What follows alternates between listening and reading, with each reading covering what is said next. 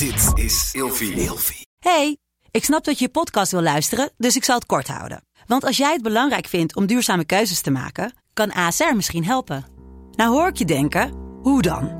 Nou, bijvoorbeeld bij het duurzaam herstellen van schade. Of de premies die we beleggen volgens ons duurzaam beleggingsbeleid. Dat bepaalt waar we wel en juist niet in investeren. Wil je meer weten over welke duurzame keuzes ASR maakt? Ga dan naar asr.nl slash duurzame keuzes. ASR doet het. Zo, dan kan je nu lekker naar je podcast luisteren. Gezonde voeding en beweging zijn al van kinds af aan een belangrijk onderdeel van mijn leven. Via Atida Pure heb ik nu een persoonlijk advies gekregen waarbij ik suggesties heb voor mijn dagelijkse benodigde aanvulling van vitamine en mineralen. Bij Atida Pure geloven ze niet dat iedereen hetzelfde is en dat iedereen wat anders kan gebruiken aan voedingssupplementen. Er zit 15 jaar aan ervaring in de supplementen. Ze zijn wetenschappelijk onderbouwd en van de hoogste kwaliteit. Dus wil jij, nou net als ik, goed voor jezelf zorgen, lekker in je vel zitten en bewust met je lijf omgaan? Met de code Nienke ontvang je nu 50% korting op je eerste bestelling. Check de website van Atida Pure in de show notes en maak vandaag nog jouw eerste bestelling. Maar stel je voor dat ik het niet had gezegd. Ja. Weet je wel, omdat ik in mijn hoofd had gedacht van eh, dit is al heftig genoeg. Dan hadden we nooit dus dat mooie moment gehad waarop zij ook had kunnen zeggen dat ze twijfelt. Welkom bij een nieuwe wekelijkse aflevering van Seks, Relaties en Liefdes. Waarin Nienke Nijman elke week openhartig in gesprek gaat met vrienden, familie en bekenden. Nienke Nijman is de host van deze podcast. Zij is psycholoog, systeemtherapeut, relatietherapeut, seksuoloog, auteur en columnist. In deze aflevering praat Nienke met Jurre Geluk. Jurre komt van de BNN-Vara Academy. We kennen Jurre natuurlijk als presentator van onder meer Spuiten en Slikken, In de Coronakreukels, Je zal het maar hebben en Jurre's Date. Welkom allemaal bij een nieuwe aflevering van Seks, Relaties en Liefdes. En in deze aflevering bij mij aan tafel Jurre Geluk. Hallo. Jurre, welkom. Ja, dankjewel dat ik hier mag zijn. Ik vond het wel heel leuk, want jij zei net, ik doe eigenlijk helemaal niet zoveel andere dingen naast het draaien. eh, behalve dingen die ik echt heel leuk vind. Ja. En ik vind het ook heel leuk dat jij hier bent. Oh. Ehm, in Schiedam, dus ik heb een ontzettend Schiedams cadeautje voor jou. Is dit drank? Ja, dit is drank. Dit is. Bobby's, Bobby's Gin. En die wordt Oh hier eh, een- letterlijk 100 meter verderop wordt die Echt? gemaakt. Dus eh, Nou, wil je een likkie? nou, wij hebben hier, zoals je hiernaast kan zien, een voorraad Oh, staan. Dus wij oh komen niks tekort. Nou, wat lief. Dankjewel. En uiteraard eh, Ah, mijn boek, chill. Relatie APK. Nou, heel leuk. Dus dan mogen Dirk en jij eh, eventjes lekker aan de bak. Oh, en zeker nu in deze tijd. Ik denk Ja? echt dat ik dit... ja. Is dat echt zo? Nou, ik vind het wel een pittige uitdaging hoor. Zeker, ja. Met corona en gewoon omdat alles zo onder een vergrootglas ligt en eh, je zoveel met je eigen gedachten bent.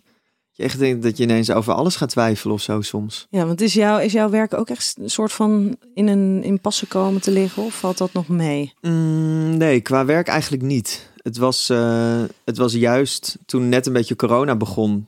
Het gebeurde voor mij iets heel bijzonders. Eh, kreeg ik een, een vast contract eigenlijk bij het bedrijf. En ik heb altijd moeten strijden voor alles met audities en dingen. En ik heb nooit van mijn leven gedacht dat ik überhaupt zoiets zou meemaken als een vast contract. Dus dat was heel raar. Dus qua werk was het juist soort van het tegenovergestelde. En heel veilig en stabiel. Heel veilig, ja. Terwijl ik echt dacht dat ik die veiligheid nooit eh, zou krijgen.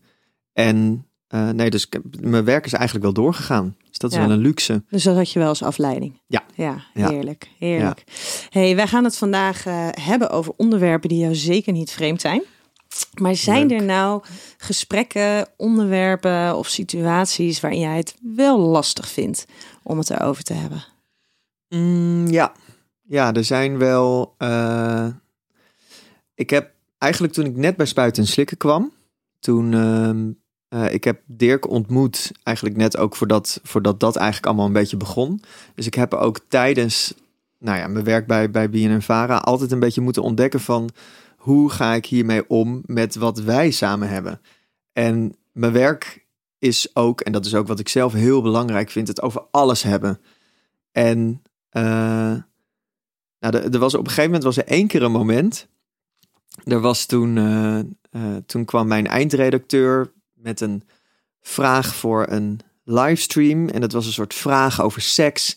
En van wat is, wat is, wat is de laatste positie waarin je bent klaargekomen? En toen ging ik helemaal een soort van beeld van de avond daarvoor beschrijven, maar echt in detail. Het was echt, niks werd aan de verbeelding overgelaten.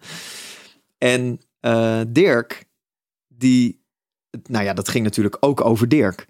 En die zat het ook te kijken. En die contacte mij daarna en die zei van, Jur, ik denk ook dat mensen van mijn werk dit hebben zitten kijken. Van, we moeten het hier vanavond even over hebben. En dat was eigenlijk voor het eerst dat ik dacht, oh ja, dit, dit is dus iets wat eigenlijk van ons samen is, waar, waar ik nu over moet nadenken hoe hij zich hierbij voelt. Ja. En dat vond ik heel lastig. Maar jullie hadden van tevoren dat niet bedacht? Van goh, er gaan dit soort situaties komen. Want iedereen weet, uh, als je bij spuiten en slikken uh, werkt, ja. Dan, dan moet je zelf ook een boekje open gaan doen. Ja, nou, en het, het was dus ook, hij heeft daar altijd heel erg achter gestaan. En hij zei altijd van, ja, dat vind ik juist zo leuk aan je, dat je daar zo open in bent. Mm -hmm, totdat het gebeurde. ineens, ja, ineens werd het toch wel een heel, uh, ja, een heel heftig moment of zo. En toen sprak hij mij dus daarop aan, op zo'n ding wat ik fundamenteel heel belangrijk vind. Dus ik ging volledig met mijn hak in het zand. Ik zei, nee, ik wil niet zo'n relatie waarin uh, ik dingen niet mag zeggen en bla gelijk bla bla zo'n relatie. Gewoon Ja. gelijk zo'n relatie ervan maken. Nou, ik dacht echt van dit is alles waar ik voor sta. En jij, jij zegt nu dat ik dat niet mag doen. Maar heel logisch natuurlijk. En dus, dus dat is eigenlijk het enige ding waar ik mezelf altijd scherp op moet houden van hoe is dit voor Dirk? En ja, nu vind ik dat ook niet meer dan logisch, want hij heeft ook een leven. Ja. Ja. Hey, ik heb jou uh, gevraagd om vijf woorden te bedenken die gaan over seks, relaties en liefdes. Welke woorden zijn dat geworden? Ja, ik heb ze hier even opgeschreven. Uh, als eerste ja, woord moet ik dan dus denken aan Dirk. dat is dus mijn eerste woord. Ja, Want Dirk. dat, ja, dat, dat, dat, dat slaat op alles eigenlijk ja? met die woorden. Als tweede heb ik onzekerheden. Als derde heb ik experimenteren. Samensmelten. En de laatste, die moest ik nog bedenken. Uh, ik denk dat het groei is. Klinkt wel echt als een opa nu, vind ik. Nou, het klinkt Maar, wel heel ja. soort van liefdevol en, hè, want je benoemt Dirk. Ja. Dus dat is jouw vriend, dat is jouw partner. Ja. Uh, je hebt het over samensmelten, over groei, onzekerheid. Um, Ja. En experimenteren. Die lijkt eigenlijk dan een beetje buiten de boot te vallen. Ja, want ook het, eigenlijk het woord experimenteren zou ik nou niet denken van dat is een ontzettend groot onderdeel in mijn relatie met Dirk. Maar het is dus wel iets wat ik belangrijk vind. Dat is wel zo. Maar wat zie jij dan als experimenteren? Ja, dat je gewoon op zoek blijft gaan naar, naar, naar dingen, naar nieuwe dingen om elkaar af en toe te kunnen blijven prikkelen of zo. En, en zou het dan, als je hem niet zou benoemen als experimenteren, maar meer als onderzoeken, zou Ja, die dan meer in het rijtje passen? Nou, nou, dat weet ik niet. Want met spuiten en slikken vind ik het wel echt fantastisch om natuurlijk echt te experimenteren met. Nou ja, jij, jij, was, te, eh, jij was te gast bij onze uh, spuiten slikken sekstest. Met die, toen had ik die haken in mijn rug. Mhm. Nou, dat vond ik wel vrij experimenteren. Dat vond ik echt geweldig. Ja, dat vind ik geen onderzoeken. Ja, en voor de mensen die dat hebben gezien en waarvan ik ook al heb gehoord dat dat wel heel nonchalant ging. Dat was niet zo nonchalant als dat het er uiteindelijk op tv Nee? uitzag. Nou ja, er ging wat meer tijd overheen. Ja, er ging wel het, meer het tijd over. voorbereidingsstukje, het jou even bij laten komen. Maar ik was daar wel, vond ik echt heel nonchalant in. Ja, dat wel. Maar het was natuurlijk wel. Er waren, ik kreeg van een aantal mensen die het hadden gezien. Kreeg ik wel horen. Jeetje, dat ging wel een soort van erin en, en daarna weer eruit. En alsof het niks Oh, voorstelde. Ja, Terwijl daar wel gewoon Nee, echt ja. heel veel voorbereiding in heeft gezeten. En, ja, we hadden een apart kamertje, had ik aangevraagd. Nou, we hadden iemand die, eh, die daar helemaal in professioneel, geprofessionaliseerd is. En nee, er zat superveel voorbereiding in. Ja. ja. ja, maar dat, dat kan ik me voorstellen. Dat is wel echt experimenteren. Ja. ja. Had dat voor jou ook te maken met seks? Nee. Nou, terwijl ik wel... Ik snap de link wel. Want wat ik, wat ik juist zo cool daaraan vond... was dat je... eh, SM en dat soort dingen... Dat, dat vind ik ook best wel seksueel. Mhm. En zelf hou ik ook wel echt gewoon van een lekkere tats. En eh, dus met die, met die haken snap ik, vond ik, vind ik dat ergens ook wel sensueel. Omdat ik denk van je bent zoiets ja, bijna oerachtigs aan het doen, zoiets beestachtigs. Mhm. Weet je wel, dat je gewoon. Ja, en iets onnatuurlijks ook. Weet je, je krijgt haken in je rug. En dat je daar dan mentaal de baas over bent. Ja, dat, dat deed wel heel veel in mijn lijf. Dat je lichaam dat gewoon kan verdragen. Ja, nou, Ja. en dat het dus ook gewoon. Het deed bij mij echt totaal geen pijn. Ik heb ook een tepelpiercing gehad. Dat deed veel meer pijn. En nu over die haken dacht ik, moet je mij eens kijken met die haken in mijn rug. En ik kan dit gewoon aan. Ja, Ja, ja, maar daarvan denk ik, want je noemt ook BDSM. Er zijn natuurlijk heel veel mensen die ehm, wel aan BDSM doen en ook echt serieus BDSM doen. Mhm. Maar waarvoor het helemaal niet iets seksueels is Ja. of waar er helemaal geen seksueel gedrag aangekoppeld is. ja, maar het is wel een dun lijntje, vind ik altijd. Ja? Want ik vind ook wel dat eh, je mag best toegeven, vind ik, dat, eh, dat dingen ook wel eens sensueel kunnen aanvoelen. En tuurlijk snap ik dat er snel wordt gezegd over BDSM dat het een soort van fetish ding is. En dat het niet zo zwart of wit is. Maar het zit wel dicht bij elkaar in de buurt. Want je doet zoiets intiems met, met je lijf. Mhm. Ja, en dan is natuurlijk de vraag, ja, maar wat is seks? Waar gaat het over? Mhm. En, en, wat, hè, en dat is natuurlijk niet alleen maar penetratieseks en, Ja. en Ja. hè, orale bevrediging of masturbatie, maar dat gaat over veel meer. Ja. Ja. Nou ja, het ik denk dat het ook gaat over je kwetsbaar opstellen met je lijf naar elkaar toe. Nou, en dat is BDSM natuurlijk ook. Ja. Ja, hey, en wat ik wel heel, heel, heel mooi vind, heel liefdevol vind, is dat jij Dirk erbij noemt bij jouw vijf woorden. Ik heb tot op heden nog niemand Oh. de naam van de partner erbij eh, horen benoemen. Ja, maar dat is natuurlijk wel mijn grootste liefde, seks en relatieproject. Dus bij die woorden, Project. ja, moet ik wel echt aan Dirk denken. Ja? Nou, en aan mezelf, ja. ja. Ja, Had je het ooit verwacht dat je zou krijgen wat je met Dirk hebt? Mm. Nou, ik denk, ik ben wel echt een relatiemens. Daar hou ik wel echt heel erg van. Ik hou ook niet zo erg van alleen zijn. Ik ben nu dan alleen. Dirk is twee weken weg voor werk. Ik ben precies één avond alleen geweest. Voor de rest heb ik helemaal ingepland met allemaal mensen.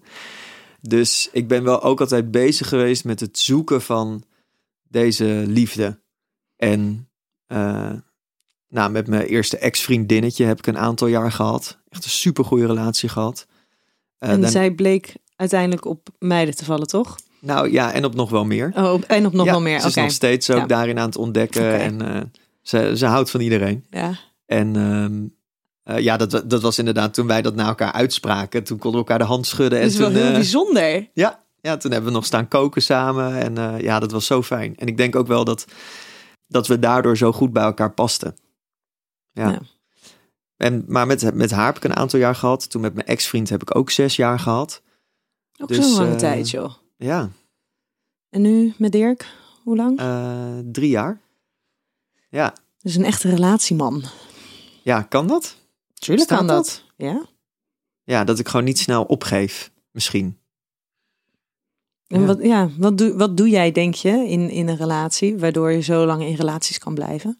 Ben jij iemand die de ander heel veel ruimte geeft of zichzelf continu wegcijfert? Nou, ik ben ook wel anderhalf jaar vrijgezel geweest. Hè? En toen heb ik echt heel veel gedate. Ik ben echt heel lang op zoek geweest, dus naar Dirk. Ehm, maar toen heb ik hem gevonden. En nou, ik denk, ik denk wel dat er veel veiligheid is om ehm, het over veel dingen te kunnen hebben. En ja, ik denk ook wel dat ik het belangrijk vind dat je alle twee flexibel bent. Dus dat je echt laat zien dat je ook eh, graag bezig bent met de ander. Ja, ik denk ook wel dat ik er realistisch naar kijk. Dat ik denk van. door, doordat ik er zoveel misschien met, met werk over praat en ook met vrienden, is mijn beeld denk ik gewoon heel groot over wat, wat voor relaties er allemaal zijn. En daarin eh, voel ik me dan heel, wel heel prettig in hoe mijn relatie met Dirk is. En weet je, soms dan, dan voel ik ook wel dat we dan denken, ja, kut, ja, we hebben een week geen seks gehad. Maar dan hebben we daarna wel gelijk een gesprek erover dat we, dat we zeggen van, ja, maar ja, er zijn zoveel mensen die dat niet hebben, toch schat? En eh, we hebben toch lekker geknuffeld. En eh, ja, dus ik denk dat, dat ik me daardoor ook gewoon vaak echt wel heel prettig erin voel. Ja. En dat zou, ik denk dat dat iets is wat heel veel mensen zouden mogen doen. Even heel Ja. specifiek op het voorbeeld van we hebben een week geen seks gehad. Ja, dat gebeurt wel veel, veel meer Ja. mensen. Ja. Ja, ja, er zijn denk ik veel meer mensen die zelfs een maand geen seks hebben of, of langer. En ik denk dat als je dat weet... Maar ik merk dus ook dat dat moet ik soms dan wel echt tegen mezelf blijven zeggen. En ook uitspreken naar hem. En dan kijken we elkaar aan en dan denken we, oh ja, is dus het is goed. Ja. en, dan, en dan voelen we ons dus ook goed. ja. ja. Ja. Hey, ik heb vijf stellingen die ik eh, aan jou voor ga leggen. Oh Maar eh, voordat ik ga doen, wil ik eh, aan de luisteraar vragen om niet te vergeten om eh, de podcast Seks, Relaties, Liefde te volgen en een recensie achter te laten als je via Apple Podcast luistert. En als je mij volgt op Instagram met Nienke Nijman, dan blijf je ook altijd op de hoogte van de nieuwste afleveringen. Mag ik ook een recensie achterlaten? Ehm, als het een goede recensie is. ja, tuurlijk. Ik ga het over deze aflevering doen. Heel goed, heel goed. Ehm, de eerste stelling. De ware liefde bestaat. Mm, ja, is dat, een, eh, is dat een enkelfout of een meerfout? Dat, Dus is hoe ja. jij ware liefde interpreteert. Ik denk dat het bestaat, maar ik denk dat het zeker veel meer ware liefdes kunnen zijn. Want hoe ervaar jij dat? Hoe komt dat dan? dan? Nou, ik heb, denk dat iedere partner die ik heb gehad was in dat moment een ware liefde. eh, voor hoe ik toen op dat moment in het leven stond. En, ehm, maar ik heb ook wel relaties gehad die zeker geen ware liefde waren. En dat ik daar dan op terugkijk en dat ik denk, oh ja. Nee, dus dat was dan geen ware liefde. Dat was gewoon een, een, een, eh, een relatie waarin dingen helemaal niet gelijk waren. Want waar Maar- zat dan het verschil in? Op basis waarvan kan je dan zeggen van oh ja, maar daar zat dus wel een ware liefde in en, en in die andere niet? Ja, ik denk evenwicht. Ehm, ik denk dat er zijn wel wat relaties geweest. Ja, dat waren dus ook wel korte relaties. Waarin ik dan op een gegeven moment na zo'n tijdje zo naar mezelf keek en dacht, huh, volgens mij zijn die dingen helemaal uit balans. Dus of jij vindt diegene veel te leuk en je gaat helemaal aan jezelf voorbij. Of jij laat die ander veel te hard rennen voor je. En ik gooi zelf een beetje eh, de handdoek in de ring. En ja, ik denk dat telkens na een tijdje kwam dan dat besef wel. En ik denk dat mijn, mijn goede relaties, dat, dat was gewoon heel erg in balans. Dus we werkten alle twee even hard voor elkaar. Ja. En dan ben ik even heel benieuwd, hè? Want jij ehm, kwam er dus achter dat jij op mannen viel toen jij een relatie had met een meisje, nou, inmiddels vrouw, toen een Mhm. meisje. Ehm, toen jij dat aan haar aangaf, eh, ik heb ergens gehoord, dus verbeter me als het niet zo is, heeft zij ook aangegeven, nou, ik wil ook gaan onderzoeken van Ja. hè, hoe dat bij mij zit.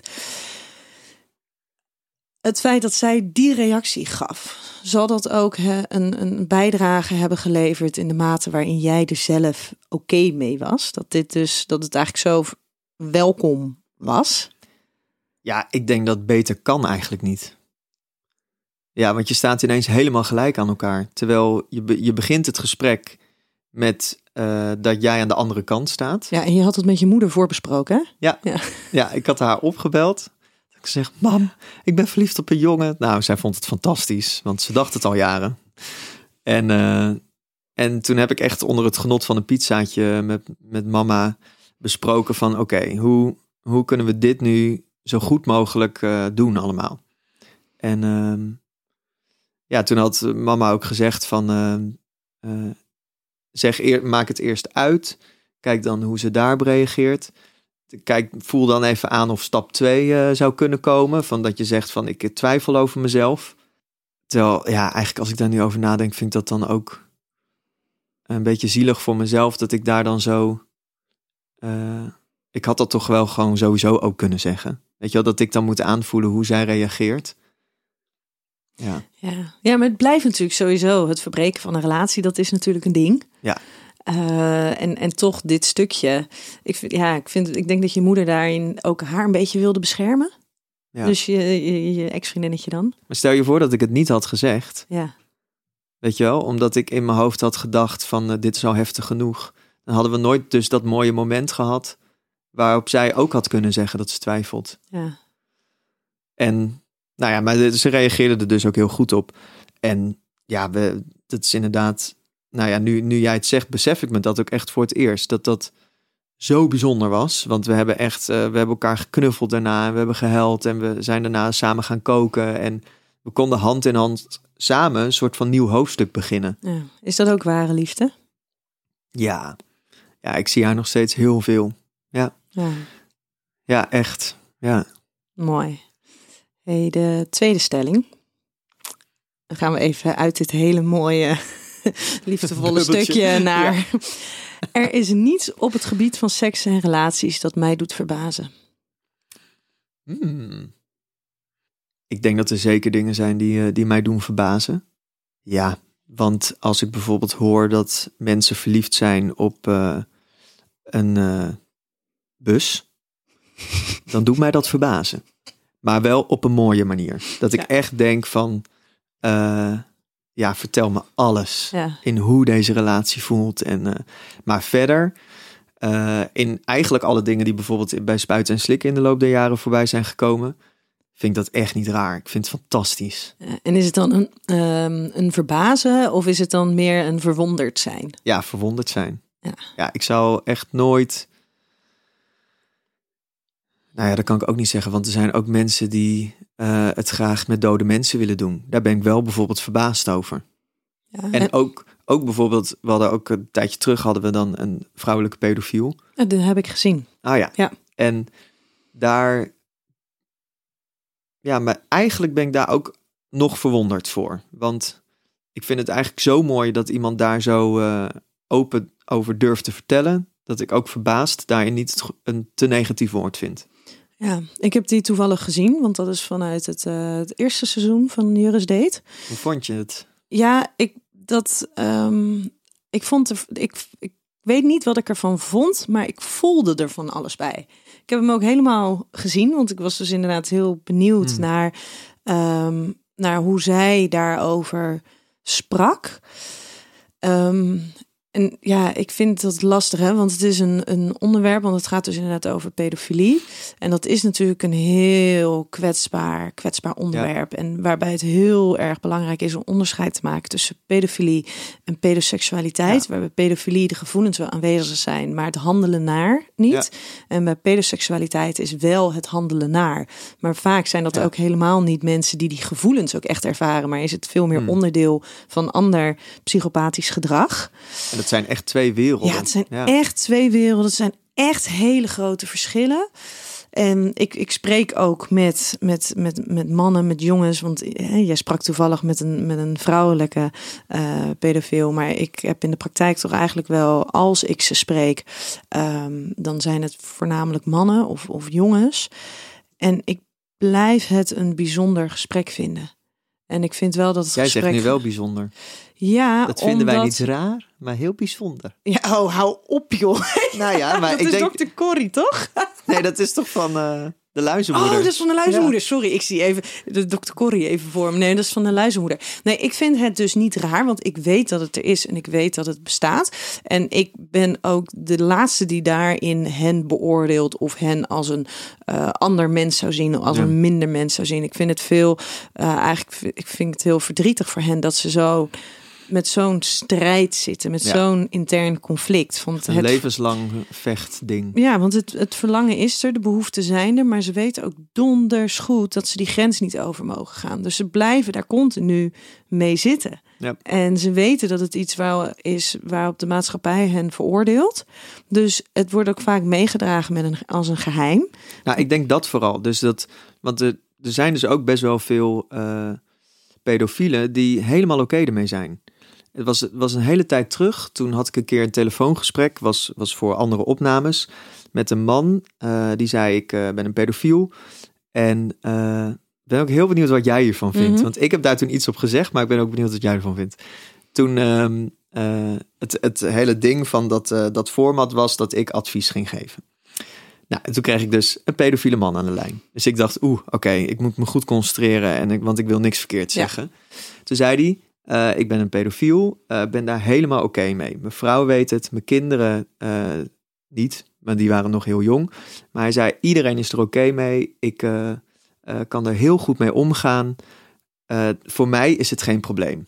Ik ga binnenkort ga ik in een nieuwe straat wonen. Vind je dat ik het mijn buren moet vertellen? Tam, tam, Tam, tam, tam. Ja, en nu verwacht je dat ik advies ga geven. Ik ben wel benieuwd. Ja, oh, dat vind ik heel lastig. Ik zou gevoelsmatig zou ik zeggen, geef eerst de, de, de, de buren, dus de volwassenen, een kans om jou te leren kennen.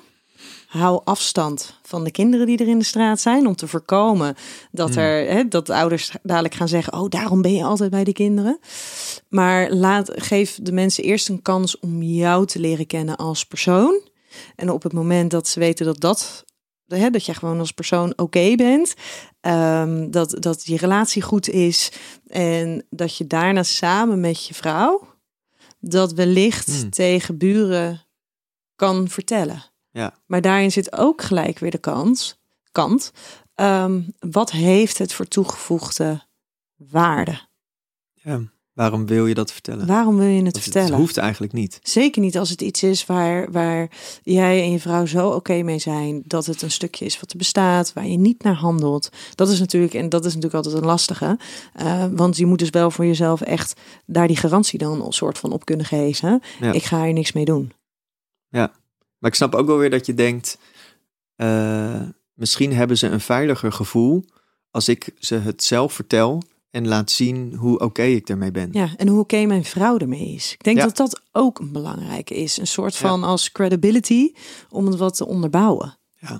Ik vond het echt zo'n, nou, dat vind ik dan ook echt zo'n coole vraag. Ja. Weet je, dat ik denk, ah, dit is zo bijzonder dat iemand het zo vraagt en zo durft te vragen. Maar het is, het is zo belangrijk dat er meer aandacht is voor dat onderwerp. Ja. Omdat de manier waarop eh, nou ja, bijna de wereld, of in ieder geval de maatschappij, naar pedoseksualiteit kijkt, Ja. dat beïnvloedt heel erg hoe die, hoe die mensen met pedo- pedofiele gevoelens ermee omgaan. En onder Mhm. wat voor gevoelens van, van schaamte zij gebukt gaan. Ja.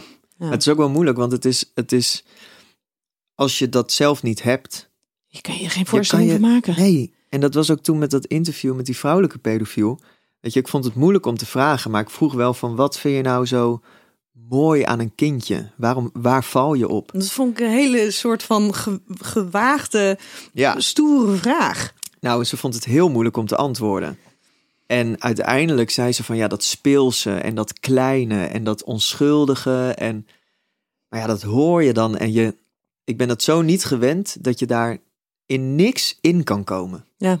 En dat vond ik zo bijzonder aan dat gesprek. Ja, maar voor het de, is er wel. Ja, en voor degenen die dit even in context willen horen eh, en zien, dan kan je eh, het terugkijken. Dus van het seizoen 1 van Juris Date. Het is online, is het beschikbaar. Dus dan kan je even het hele gesprek eh, zien. Ja. hey, de derde stelling. Eh, hoe gekker de seks, des te beter. Oh, nee, absoluut niet. Nee? Nee, nee omdat ik totaal niet vind dat daarin eh, het, eh, het betere aspect zit. Ik denk echt dat dat zit in eh, die, gewoon die diepe connectie die je moet voelen. Soms heb je die wel, soms ook helemaal niet. Soms dan heb je een, een vrijpartij met elkaar en dan ben je gewoon aan het rampen tampen. En dan daarna denk je, hè, wat is hier eigenlijk gebeurd? Hebben we überhaupt wel genoten van elkaar?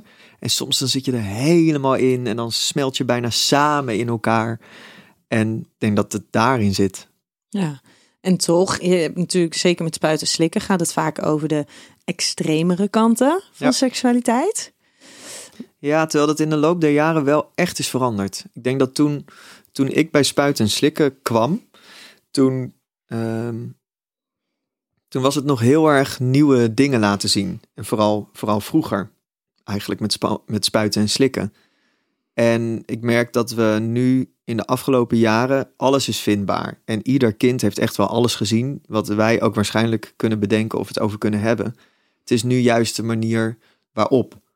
En ik denk dat we het nu heel erg daarover proberen te hebben. En we zitten eigenlijk altijd nog wel een beetje in die strijd van ergens willen we spuiten en slikken zijn die juist de horizon verbreedt. Nou ja, haken in mijn rug. Hè? Dat is Mhm. ook niet iets wat je dan dagelijks. eh, Maar ondertussen vinden we het ook heel belangrijk om dus te, wat meer te faciliteren in dat. Ja, in die hopelijk wat meer realistischere kijk op, eh, op seks Ja. en drugs.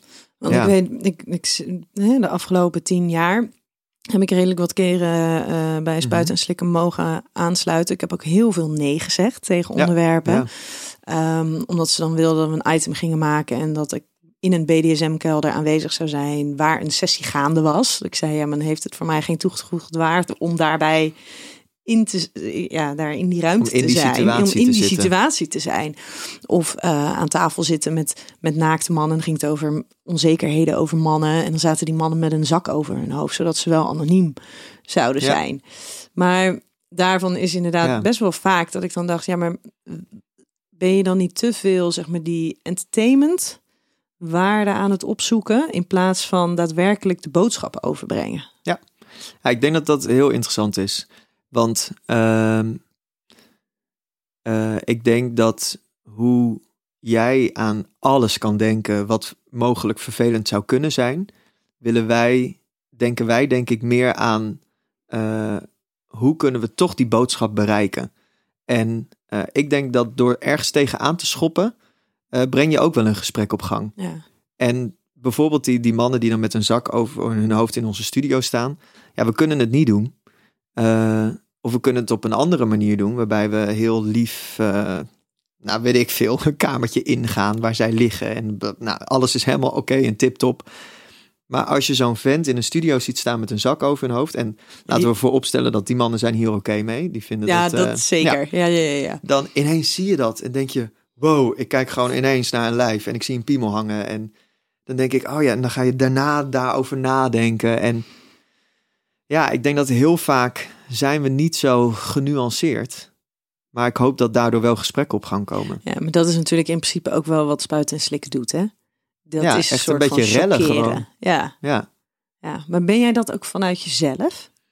Of is dat echt iets wat je daarin hebt moeten doen of moeten leren?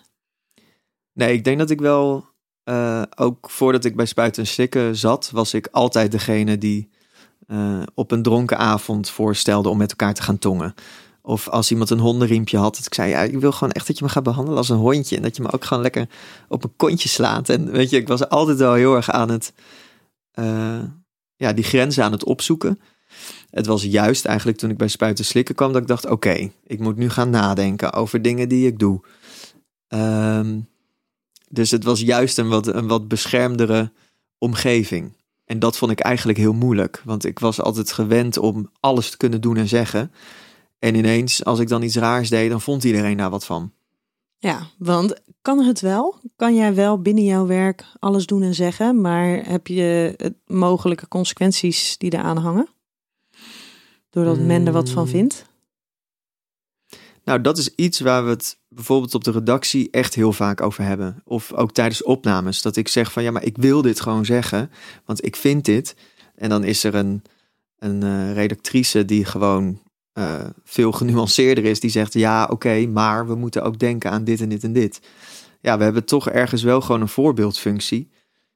Eh, maar ja, nee, dat is altijd wel een, een goed gevecht, zeg maar. Van, van wat willen we nou wel zeggen? En over wat moeten we nadenken? Ja. Ja.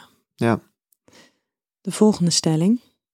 Seks binnen een relatie voelt anders dan seks met iemand met wie je geen relatie hebt. Ja, Ja? ja. Op wat voor manier is dit een Ik ga er ook helemaal, ja, ja? ik ga er helemaal van van alles. Nou, omdat, ja, gênant ook eigenlijk dat dit zoveel met me doet. In die anderhalf jaar dat ik vrijgezel was, had Ja. ik alleen maar seks met mensen waar ik geen relatie mee had. En dat was iedere keer zo spannend. Zo spannend. En alles kon gebeuren. En soms had ik iemand helemaal niet gesproken. En soms had ik iemand een week lang gesproken. En het was zo anders dan nu de seks die ik met Dirk heb. Ja, maar waarom is dit zo gênant dan, dat dit zoveel met je doet? Want Nou, je ligt omdat- hier echt helemaal op, soort van. Ja, omdat. eh, ja, omdat het twee werelden zijn. Maar eh, die wereld van seks hebben met mensen waar je geen relatie mee hebt, prikkelt op, weer op een hele andere manier. En dat prikkelt mij natuurlijk nu veel meer dan de prikkels die ik gewend ben, die ik bij Dirk krijg. En weet je, het gras is altijd groener aan de overkant. En ik denk dat op het moment dat je in een relatie zit, zou je altijd weer fantaseren over het moment waarop je gewoon een slet kan zijn. En gewoon een positieve slet. Gewoon de hele avond met iedereen naar bed zou kunnen. Ehm, Dat ook gelijk, hè? Niet gewoon flirten en zoenen en zo, maar gewoon gelijk het bed nou, in flirten en gewoon na één minuut iemand meenemen. En dat heb ik toen ook gedaan. Ja. En ik denk dat, het daarom, ja, dat ik het daarom zo leuk vind om daar nu over na te denken. Omdat ik die tijd ook fantastisch vond. Maar ja, op een gegeven moment in die tijd dacht ik ook van... nou, pff, nu zou ik wel even iets meer vastigheid willen. Ja. ja. Maar is dit een gesprek wat, wat Dirk en jij kunnen hebben? Seks hebben met anderen? Eh, nou ja, ook dat. Maar het, zeg maar het contrast tussen wat je dus wat, wat jullie aan seksuele prikkels hebben, hoe jullie seksuele relatie eruit ziet. En de, nou ja, het, het, het gevoel wat je kan krijgen bij het idee dat je weer ehm, nou ja, ronduit mag, mag bakken, zeg maar. Ja. Ehm, nou, het was toen ik eigenlijk net met Dirk eh, kreeg. Toen heb ik gelijk tegen hem gezegd van... ehm, eh, ik had wel veel meer sekservaring dan hij. Ik heb veel meer bedpartners gehad. En ik zei wel tegen hem van... eh, weet dat alles altijd bespreekbaar is. En als je iets wil, of als je wil geprikkeld wil worden op een bepaalde manier... laten we het daar altijd samen over hebben. En... ehm, ja, dat heb ik ook wel echt altijd gedaan. En ik zit ook af en toe nog wel eens, weet je wat, ik merk ook wel hoe enthousiast ik hier nu van word. Dat ik denk, hmm, misschien moet dit enigszins geïntegreerd worden in mijn relatie. Ehm, en we hebben het daar ook over, ook omdat we vrienden kennen die een open relatie hebben. Eh, maar ik ben daar ook nog steeds niet uit. Ik denk dat voor nu eh, ja, voor nu dat ik dat nog niet zou kunnen. En eh, ja, over een tijd misschien wel. En zou je dan, ehm, gewoon even hypothetisch hè, Ja. Eh, zou dan echt een open relatie iets voor jou zijn? Of zou je dan zeggen, nou dan zou ik het leuk vinden om af en toe gewoon eventjes een avondje alleen op stap te kunnen? Hoe, Ja, nee, in de, in de, in de voor mij perfecte manier zie ik het nu voor me dat Dirk en ik een avond uit zijn. En dat we dan een jongen zien staan, dat we denken, oh my god, hij is eigenlijk best wel knap. Dat we dan denken, oké, misschien zou Maar- dit wel eens... maar dan ben je wel samen. Ja, dus ik zou het echt ook eigenlijk wel echt als een samen ding. Omdat ik ook best wel mensen spreek die een open relatie hebben, die juist denken van, dan kunnen we alleen dingen aangaan. Maar ik vind ons samen het eh, belangrijkst. Dus ik zou ook echt willen dat het voor ons een extraatje is. Ja. Een soort van snoepje, wat we dan af en toe even zo erbij kunnen pakken. Ja. En ehm, eh, ja, en dat dat dan voor één avondje zo is. En dan zo vriendelijk bedankt, dankjewel. Ik hoop dat je het leuk vond. Wij in ieder geval wel. En dan gaan we weer zo naar elkaar. En ik denk ook dat dat punt, dat gaan we misschien op een gegeven moment ook nog wel bereiken. Maar eh, ja, Nu nog niet. nu nog niet. Nu is het sowieso lastig om tijdens stappen iemand eh, op te doen. Zo. Weinig stappen. Hey, de laatste stelling. In de ideale wereld kan iedereen zijn eigen relaties en seks kleuren. Ja, ik denk dat dat wel de ideale wereld eh, zou moeten zijn, toch? Leef jij in die wereld?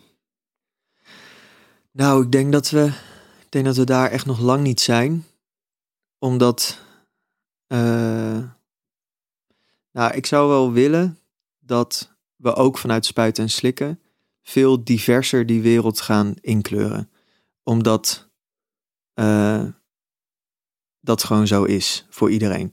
Iedereen moet ook zelf die wereld inkleuren, maar het palet moet ook veel breder worden. En ehm, ja, daar zijn we gewoon nog lang niet. En, en heb, Nee. jij, heb jij daar een stem in? Als jij nou nu zegt van ja, bij spuiten en slikken zouden we dat ook moeten gaan doen. Je hebt daar natuurlijk gewoon een heel groot platform. Ja. Zou, je, zou, zou jij daar een stem in kunnen hebben? Ja, zeker.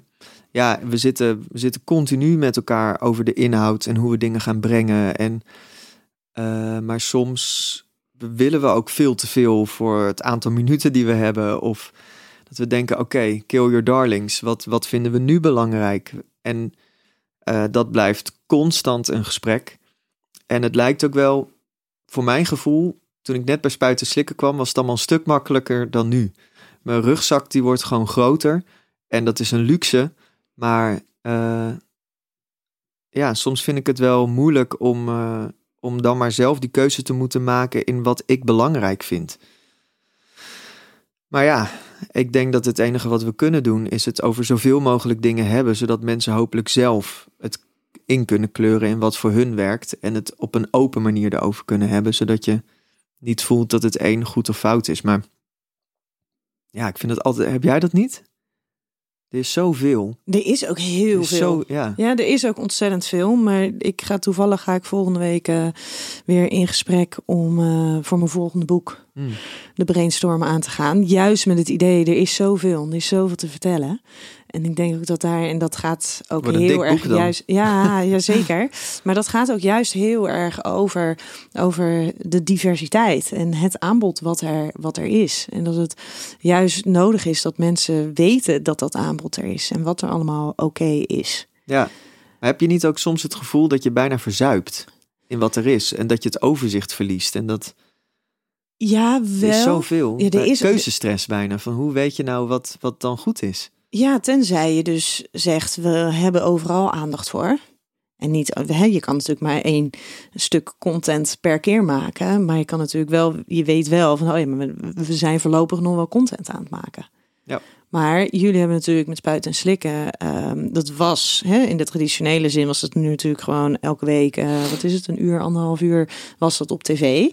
Nu zijn jullie online ook heel erg aanwezig. Als je Ja. het dan hebt over van ja, maar je hebt maar een beperkt aantal minuten waarin je dus moet kiezen wat gaan we, wat gaan we uitzenden. Jullie hebben natuurlijk wel een heleboel extra eh, minuten gekregen ten Mhm. opzichte van wat er was. Want als je Ja, het hebt kunnen veel bijvoorbeeld vrijer bewegen. precies, als je het hebt over Juris Date, dat zijn dan afleveringen van 10 tot Ja. 15 minuten ongeveer. Ehm, ik weet niet of dat op tv zendtijd Ja. had gekregen. Ja. En nu heb je natuurlijk wel de mogelijkheid om het online te laten zien. Mhm. Dus je hebt veel meer mogelijkheden om waardevolle dingen te laten zien. Ja, we maken veel meer minuten dan voorheen.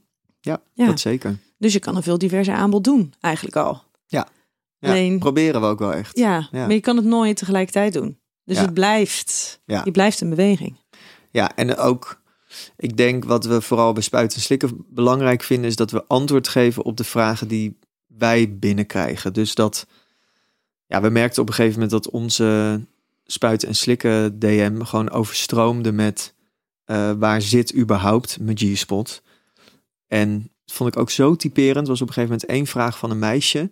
Die zei, iedere keer als ik, dat was toen nog in de tijd dat ik de seksmobiel had. Eh, iedere keer dat als ik eh, seks heb met mijn vriendje, komt hij klaar in mijn gezicht. Hoe kan ik een keer lief aangeven dat ik het anders wil? Mhm. Ik dacht, oh ja, oké. Ja, Hier ja. gaan een aantal dingen niet helemaal goed. En toen dachten we, we gaan hier even goed op zitten.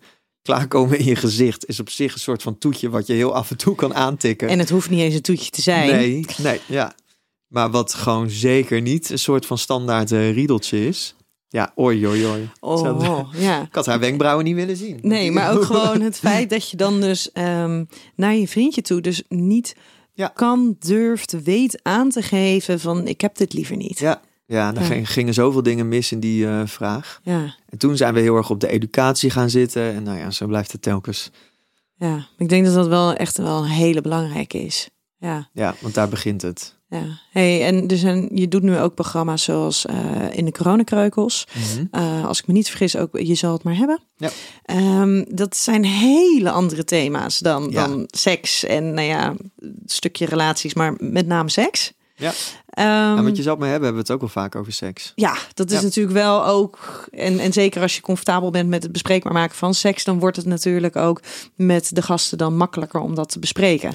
Nou, en zeker ook omdat het een onderwerp is wat bij hun vaak wordt gemeden. Ja, precies. Dus super mooi als je daar dan expliciet aandacht voor kan hebben. Ja. Maar ben je, ben je, want je bent dus heel erg met die andere eh, onderwerpen bezig. En hè, je, je zal het maar hebben, is natuurlijk een paaltje van het programma. Nou, en de coronakreukels is, is nieuw, maar gaat het juist ook heel erg over het mentale welzijn. Ehm, ben je ergens niet bang dat omdat je nu zoveel ook met seks hebt gedaan, dat, dat je altijd een beetje de seksman zou blijven? Mm, nou, toen ik alleen nog maar spuiten en slikken deed, zeg maar helemaal aan het begin. En dat was ook nog eens dat spuiten en slikken van eh, ga naar een kelder en eh, probeer dat uit en eh, ga naar dat feest en dat. Toen dacht ik wel van oké, als het alleen maar dit blijft, er, moet wel iets gaan veranderen. En, maar toen, ja weet je, ik moet altijd denken aan dat mijn ouders die hebben samen een winkel gehad. Een, een juwelierszaak, mijn vader heeft die nog steeds. Dat er dan soms mensen bij mijn pa in de winkel kwamen en dat ze dan mij hadden gezien. Nou ja, dat is natuurlijk voor mijn pa dan een beetje gênant. Ja. Eh, en nu eh, ben ik heel blij dat bijvoorbeeld je zou me hebben erbij is gekomen, want dat is alweer zoiets anders. En ehm, ja, ik, mensen vragen ook wel eens van ben je niet bang dan dat het, je, dat het heel erg aan je kleeft, weet je, ook voor later als je andere dingen gaat doen. Maar ik ben er juist heel trots op dat dit nu zo bij me past. Ja, en ik vind totaal niet dat het iets eh, negatiefs is. Nee. En er zijn ben er natuurlijk... trots op. Je, je hebt natuurlijk voorgangers gehad. Ja, en Tim ja, Hofman. Maar volgens mij, Tim, Tim was meer met de drugs dan met de seks. Ja. Dan heb je natuurlijk andere, eh, een, een Sophie. Ja, dat eh, heeft voor mij ook wel echt verschil gemaakt. Ja, ook Dat- dat, ik aan Sofie heb gezien, want dat is nu ook gewoon een vrouw die, waar ik zo enorm tegen opkijk. Ik denk, die heeft ook gewoon een normale carrière. Ja. Of nou, normaal. Dat zij gewoon serieus worden genomen. Ja. Ja. ja. Hey, en je hebt Juris Date. Tweede seizoen komt eraan. Het derde eigenlijk al. Of derde seizoen. Ja. Heb Ja. ik dan een seizoen gemist ergens? Dat denk ik. Nou ja, ze zijn best wel snel achter elkaar gekomen. Ah, maar dat, ja, eh, dan is ja, dat het geweest. Oké. Maakt niet uit. Eh, ik zag gewoon lekker alle afleveringen staan. Vandaar. En die kwamen redelijk achtereenvolgend, Ja. inderdaad. Ehm, maar waar, waarom dit programma? Mm, Wat is het idee erachter? ja, even denken. Ik denk dat... eh, ik weet nog wel dat op een gegeven moment zaten we in een, in een brainstorm. Toen ging het ongeveer zo. We wilden iets doen met de interactie. Eh, we hadden eigenlijk net de seksmobiel gehad. We gingen iets nieuws voor mij bedenken. En eh, aan de seksmobiel vonden we het heel fijn dat we echt dat we zoveel vragen binnenkregen. Dus we dachten, die, die community, die willen we eigenlijk heel graag bij ons houden. Want eh, ja, ze willen, we willen dingen van elkaar. Dus dat wilden we. Dus we wilden een, eh, een programma maken met interactie. Eh, ik wilde het met niet-BN'ers doen, omdat die wereld er ook is. En dus we wilden niet BN'ers. Ik had ook mijn BN'er-portie natuurlijk wel even gehad. Dus Ja. ik dacht, nou, het is fijn om weer even wat anders te doen. Eh, en, en we dachten, het moet spuiten en slikken blijven. Eh, dus waarom gaan we niet dus vragen van mensen alsnog behandelen, maar dan met mensen die je niet zo snel tegenkomt? Ja, en daarin ga je Ja. dus in gesprek, heb je gesprekken ehm, bijvoorbeeld met een, een, een dame die een dwarslesie heeft, eh, met een stripper, met eh, nou ja, de, de, de dame met pedofiele gevoelens. Ehm, dat, dat dus om in het kader van deze mensen, daar, daar heb je niet zo snel over het algemeen de kans om daar een gesprek over te hebben, over hun werk, Ja. over hoe ze dingen ervaren. Dus dat ga ik doen. Ja, met als leidraad echt de vragen die we binnenkregen dus. En dat zijn echt Dus het zijn helemaal niet jouw vragen. vragen. alleen maar doorvragen. En het is wel ieder ding waar ik op kom, vraag ik. Maar op mijn kaartje staan die, nou het zijn meestal acht of tien vragen, zijn echt steengoed. Ik vind, ik verbaas me daar iedere keer over dat ik denk, wow, dit is scherp jongen. Ja, want daar heb ik me dus inderdaad ook over Ja. verbaasd. Dat ik Ja. inderdaad echt dacht, jeetje, maar wat zijn dit voor vragen? Ja, Maar jij doet in principe dus eigenlijk vanuit jezelf alleen ik een doe doorvragen. helemaal niks. Ja, ik zit alleen. Wat doe je daar eigenlijk? Ik breng koffie. en, en, ik jou- er. en jouw naam staat in de titel. Ja, dus dat is dan wel weer heel fijn. Nee, het, eh, ik echt, ja, dat, dat is echt de leidraad. En ik vraag wel door. En ieder ding wat op het puntje van mijn tong ligt, dat vraag ik. ja. Ja. Ja, maar mooi. Maar volgende seizoen komt dus. Zijn daarin dingen waarvan je denkt, ja, dat als we het hebben over hè, gesprekken waar je je over verbaasd hebt, zitten er dat soort momenten nog bij? Nou, we gaan het nu ook over de drugskant hebben. Eh, want ja, spuiten en slikken. Eh, dus ook binnen dat thema komen mensen eh, bij me te zitten. En wat ik, wat ik wel heel cool daaraan vind, is dat we eh, heel erg merken in het programma dat soms kan ik dan denken van ja, ik wil dat er iemand zit die vertelt over eh poepseks. En dan, dan voel ik van, oh ja, dat is gewoon een beetje dat oude BNN voor mij die dan denkt, hoe cool als we daar eens een keer iemand over spreken. Terwijl het in het programma het dus ook super goed werkt als daar eens een keer iemand zit die vertelt over haar eh, wat grotere schaamlippen.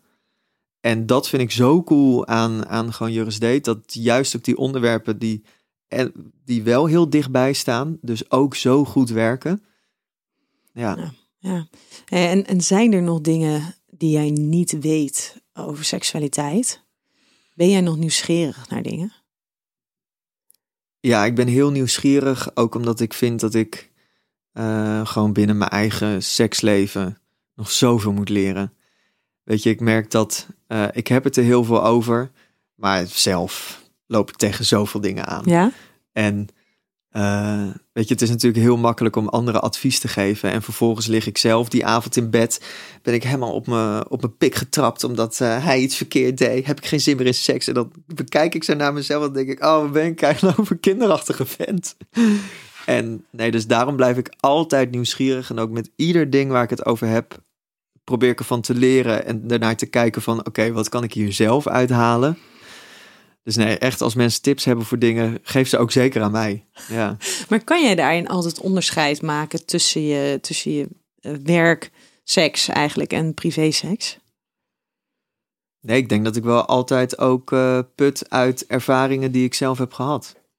En ook wel uit uh, een visie die ik zelf denk wat goed is. Ik denk dat het daar altijd een beetje een combinatie van is. En ook uit verhalen die ik om me heen heb gehoord. Dus door het programma of heel erg vanuit, uh, vanuit vrienden. Ja, maar jij, hè, de Jure die naast uh, Dirk in bed ligt, dat is wel een andere Jure dan dat we in de programma's zien. Nou, iedereen heeft altijd het beelden over mij alsof ik een soort van seksbeest ben. Uh, maar dat in de slaapkamer ben ik dat dus helemaal niet. maar ja, we kunnen moeilijk een programma maken waarin je ziet dat we een half uur lang naast elkaar liggen op bed. Nou ja, terwijl zou dat... dat ook niet? Ja. Als je het dan toch hebben over, over een soort van spraakmakende tv, spraakmakende programma's die, uh, nou, die een ander licht laten zien. Zou dat dan niet een heel mooi contrast zijn? Ja. Dat er dus wel een programma komt met wie, nou ja, wie hier een geluk is als die gewoon thuis in bed ligt. Ja, maar ik zeg het ook altijd. Ik zeg altijd tegen iedereen dat ik een laag libido heb. Uh, dat ik uh, snel onzeker ben in bed vertel het allemaal, maar toch, uh, ja, misschien omdat ik zoveel advies dan uh, probeer te geven, dat mensen denken dat ik het allemaal wel heb uitgevonden, maar dat is echt niet zo. Nee, en, en is, is... Het zou wel mooi zijn, zo'n programma. Gewoon heel, uh, heel goed laten zien ja. hoe de andere kant ook is. Eigenlijk heel ja. authentiek. Heel ja. authentiek, oprecht en kwetsbaar. Ja. Zou je dat durven? Maar laten zien hoe het bij mij in de slaapkamer ja? eraan toe gaat? Ja? Nee. Nou nee, niet in fysieke beelden. Uh, maar meer juist dat, dat kwetsbare, authentieke stukje. Dus waar juist die onzekerheid naar, naar voren komt. Juist het stukje van ja, maar ik heb juist helemaal niet altijd zin in seks. En ja. ik heb ook wel eens een week geen seks. En soms zijn het er twee. Nou ja, ik probeer dat echt heel erg. Maar ik ben het zeker met je eens dat we dat veel meer moeten doen. Ja. Ja. ja. Hey, en, en zijn, zijn, is Dirk wel daarin een beetje compatible met jou? Mm. Ja. Ben wel blij. Uh, ja, ik ben wel blij dat ik mezelf niet als een soort van orakel uh, voel. Want dat zou heel vervelend zijn voor Dirk. En uh, ik denk ook dat we er best wel gelijk in staan in hoe kwetsbaar we ons alle twee opstellen naar elkaar. En ja, ik leer ook heel veel van, uh, van Dirk. En dat spreek ik ook echt uh, heel erg uit. Ja. Ja. En, en als we het dan hebben over Dirk... Hoe is dat dan bij jou? Um, nou, ik of mag ik geen ding aan jou vragen? Oh, dat mag zeker wel hoor. Nee, bij mij is er altijd een heel duidelijk onderscheid tussen uh, überhaupt in over seks praten. Weet je, over mijn werk. Ik durf jou hier, ik durf je alles te vragen. Er is niks waarvan ik denk, oh, dat zou ik niet durven of kunnen vragen. Of er is niks waarvan jij zegt dat ik dan denk, oh jeetje, dit is Mhm. ongemakkelijk. Maar voor mij is er een heel groot contrast Ja? tussen eh, werk en privé. Ja. En sowieso is mijn werk is natuurlijk, zeker in de praktijk, het gaat er helemaal niet alleen maar over spannende seks. Hè? Het gaat juist heel Nee, vaak ja. over niet zo leuke seks. Of de afwezigheid van seks. En dat dan gewoon weer een beetje op een prettige manier, prettige vorm, vorm te geven. Mhm. Maar vind je het Ehm, moeilijk om zelf over je eigen dingen te praten? Ja, en nou vind ik het altijd een heel fijn excuus dat zeg maar vanuit mijn rol als therapeut ik daar ook zeker in het openbaar helemaal niet over hoef, of wil praten, praten. ja. Dus die vind ik Precies heel je rol, prettig. ja, dat is precies. Ja. daar heeft niemand het wat aan. Wat voor mij veel belangrijker is, is dat het gesprek gevoerd wordt. Nou, Maar wat ik wel grappig aan vind, wel, is dat ik altijd zeg dat ik het niet erg vind om zoveel dingen te zeggen over mezelf, omdat ik dat eerlijk vind. Ja, maar wat het Naar lastige, toe. ja, maar het lastige bij mij is, is dat m, eh, mijn cliënten mij kunnen gaan seksualiseren. En vervolgens Hmm. daarin, zeg maar, aan de haal gaan met, met de dingen die ik hen vertel. Ja. En dat ze dus vervolgens ehm, daar beelden van maken. Of dat als ik iets uitspreek wat ik bijvoorbeeld heel fijn zou vinden. Of waarvan ik denk, "Ugh, daar snap Ja. ik helemaal niks van. Dat ik mijn ehm, soort van onpartijdigheid daarin verlies. En dat als ik als bijvoorbeeld over thema's als, Ja. als vreemdgaan of over eh, anale seks. Als ik mij daar uit mijn privé situatie over uitspreek, dan kleur ik dus Ja. zo'n therapeutische relatie. En dan heb je dus zomaar kans dat mensen denken: oh, ik mag dit niet zeggen of ik kan dit niet zeggen, want daar vinden ze wat van. Ja. Of juist dat mensen dus wegblijven. En vind je dat we dat misschien soms bij, want bij spuiten en slikken is natuurlijk heel erg ook hoe wij dingen ervaren. Ehm, ja, maar dat is prima. Alleen de nadruk moet er dus wel op blijven waar eh, dat dat inderdaad geen werkelijkheid of waarheid is. Of Ja, tenminste, iedereen heeft zijn eigen werkelijkheid. Ja. Maar het is inderdaad, het is iemands mening, het is iemands ervaring. Alleen in mijn rol als therapeut Ja. ehm, wordt van mij gevraagd geen mening te hebben. Ik mag mezelf wel meebrengen als persoon ehm, binnen zo'n therapeutische relatie, maar ik moet ervoor waken dat hij niet te gekleurd wordt. Ja. En daarin, dat, en dat vindt mijn man altijd heel grappig, want als, als het dus wel over ons privé dingen gaan, dat ik dus ineens een stuk minder communicatief vaardig ben. Krijg je een soort van lichte errors. Zo. Ja, dan denk ik, eh, weet ik niet. Kan ik er nu niet over praten? Moet ik over nadenken? Dus dat is echt, het is een enorm, enorm contrast. Maar Ja. ben jij er dus niet eh, chill mee omdat je vindt dat dat hoort voor je werk? Of ben je er oprecht niet chill zelf mee? Eh, Meer uit, uit uit- etiketten, zeg maar. Eh, beide. En gewoon inderdaad vanuit mijn beroepsethiek Ja, doe ik het niet. ik. En dat is een, eigenlijk een heel makkelijk excuus om, ehm, om het niet te hoeven doen. Maar vind, heb je dan niet door deze podcast dat je steeds vaker misschien dingen uit jezelf, doordat mensen misschien iets terug... Ja, dat is Ja. wel zo. Ja, en er zijn dus ook dat dat is en ik vind het in principe heel erg leuk hoor, als mensen Ja. dingen terugvragen. Maar ook daaruit, ik ben ondertussen daarin zo ge, ge, ge- gevormd. En weet je, ik was ik was eh 2021 toen ik door Tim Hofman voor het eerst bij Spuiten en Slikken werd voorgedragen. En vanaf dat moment wist ik dus al, ik moet gaan letten op wat ik zeg. En alles wat ik zeg kan tegen me gebruikt worden. En daarin weet ik dus ook dat als jij mij een vraag stelt, heb ik altijd al die filter van, Hmm. ehm, hey, hoe, hoe ga ik dit goed brengen? En sowieso is het ook zo dat in Ja. alles wat ik zeg zit ook een stukje van mezelf. Hè? Ja, Dat is altijd. Alleen ik je ga let alleen op je woorden. precies. Ja. Ja. ja. Hey, ehm, wij moeten hem gaan afronden voor vandaag. We zitten even in een hele andere Ja. flow hier, maar we moeten hem gaan afronden. wel even, laten we het ook even over jou gaan Nou, dat mag, dat mag. Nee, maar er zijn ook wel een aantal, eh, er zijn een aantal eh podcasts waar ik te gast ben geweest. En dan gaat het Oh, dus ja. ook echt over mij. En dan, Ja, en dan, oh, dat is toch als, je- nou ja, eigenlijk gebeurt daar hetzelfde als wat ik nu van jou vraag. En dat is namelijk om je kwetsbaar open te stellen en, en dingen te vertellen. En ik vind dat wel heel fijn. Ik vind dat wel heel mooi. En eigenlijk Ja. vind ik het ook soms wel jammer dat dat niet altijd maar gewoon helemaal vrijuit kan zonder consequenties. Ik denk ook wel dat het goed is om over dingen na te denken, Ja. toch? Is ook zo. Ja. Hey, ik wil jou in ieder geval heel erg bedanken voor dit gesprek. Ja, thanks. En eh, ik ben heel erg benieuwd eh, naar jouw nieuwe seizoen van Juris Date. En mocht je als luisteraar nou ook benieuwd zijn, kijk dan vooral de afleveringen van het eerste seizoen online even terug. Dank u wel. Dank je wel en tot volgende week. Hm.